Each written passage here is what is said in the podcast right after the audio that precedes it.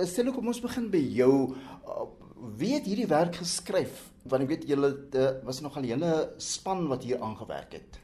The person wrote this piece is Michelle Datlas Joffe, I think. And we we're starting to work together recently.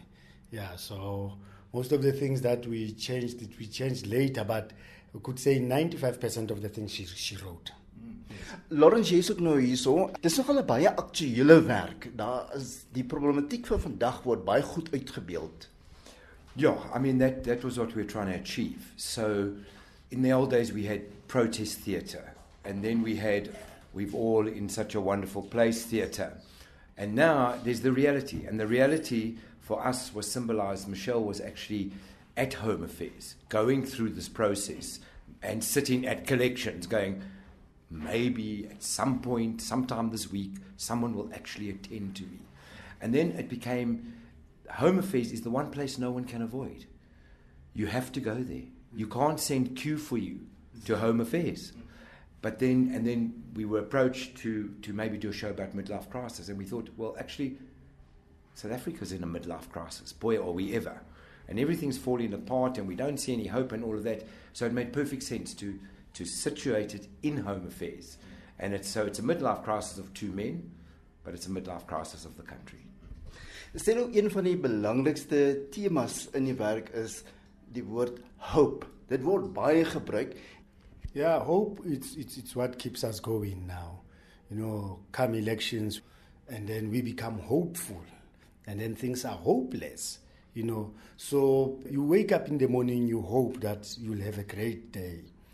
Our lives actually rely on hope more than anything. But that's what has been taken from us. We have lost hope. Everybody's complaining.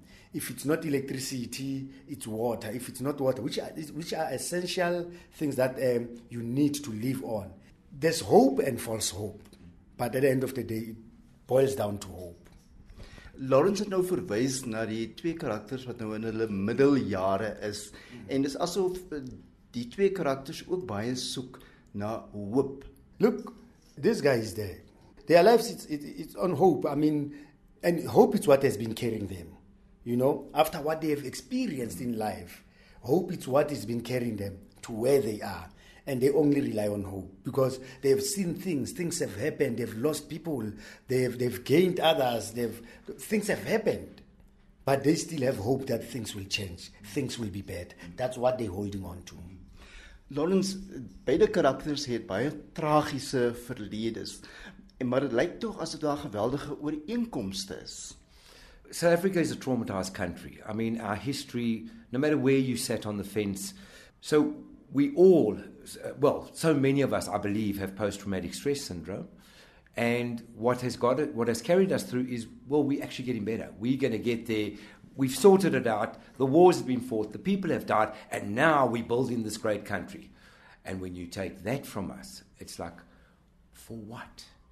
And I think that's a major theme. And then, of course, you've got these two middle aged men who go, I'm too tired. I can't start again. I don't want to start fighting. I really don't want to leave the country. But what do I do? I'm, I'm betwixt and between. I don't know which way to turn. So we are hopeless.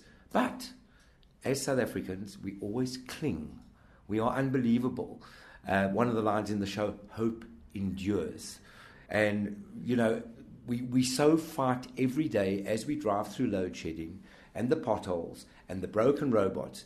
And we hope, our, our expectations have got low. We hope that the alternative route that we take won't have everyone else looking for an alternative route. We look for the little things and then we make jokes. It's a midlife crisis nothing really works anymore. One of the lines is, My eyes don't work, my ears don't work, we won't talk about the other bits that don't work. Hell, we hope that at some point something might come back.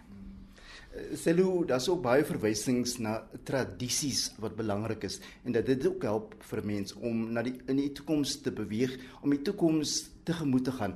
We are losing a whole lot of how things were done traditionally. Things that were culture to us are fading away, you know? And it's getting worse because recently there was a saying that to start burying people within two, three days. There are certain rituals that some of us do before we bury a person. You know, we're losing time to mourn. Sello nou um, soort van half te. Jy het nou in verskillende soorte mediums al in jou uh, loopbaan ingespeel, televisie, rolprente en dan nou hierdie vroeg. Uh, geniet jy dit om om op die verhoog weer te wees en, en met jou gehoor byna in direkte kontak te kom? So the stage has been my number one love.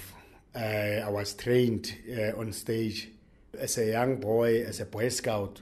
We used to do plays, we used to do dances. All that happened on stage.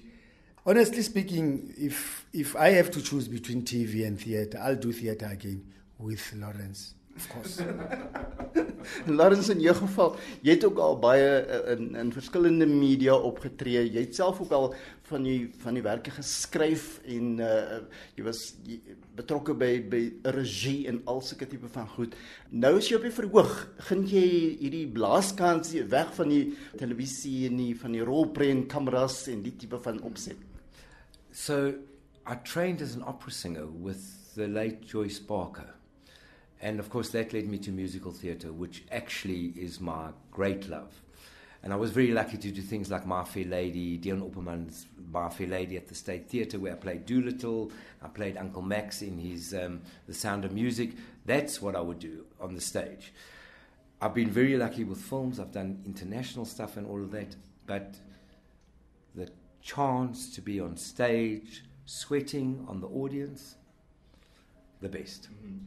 Sello Lawrence, baie dankie vir die lekker saamgesels en sterkte vir julle met die wonderlike speelvak wat voor lê. Thank you so much. Baie dankie.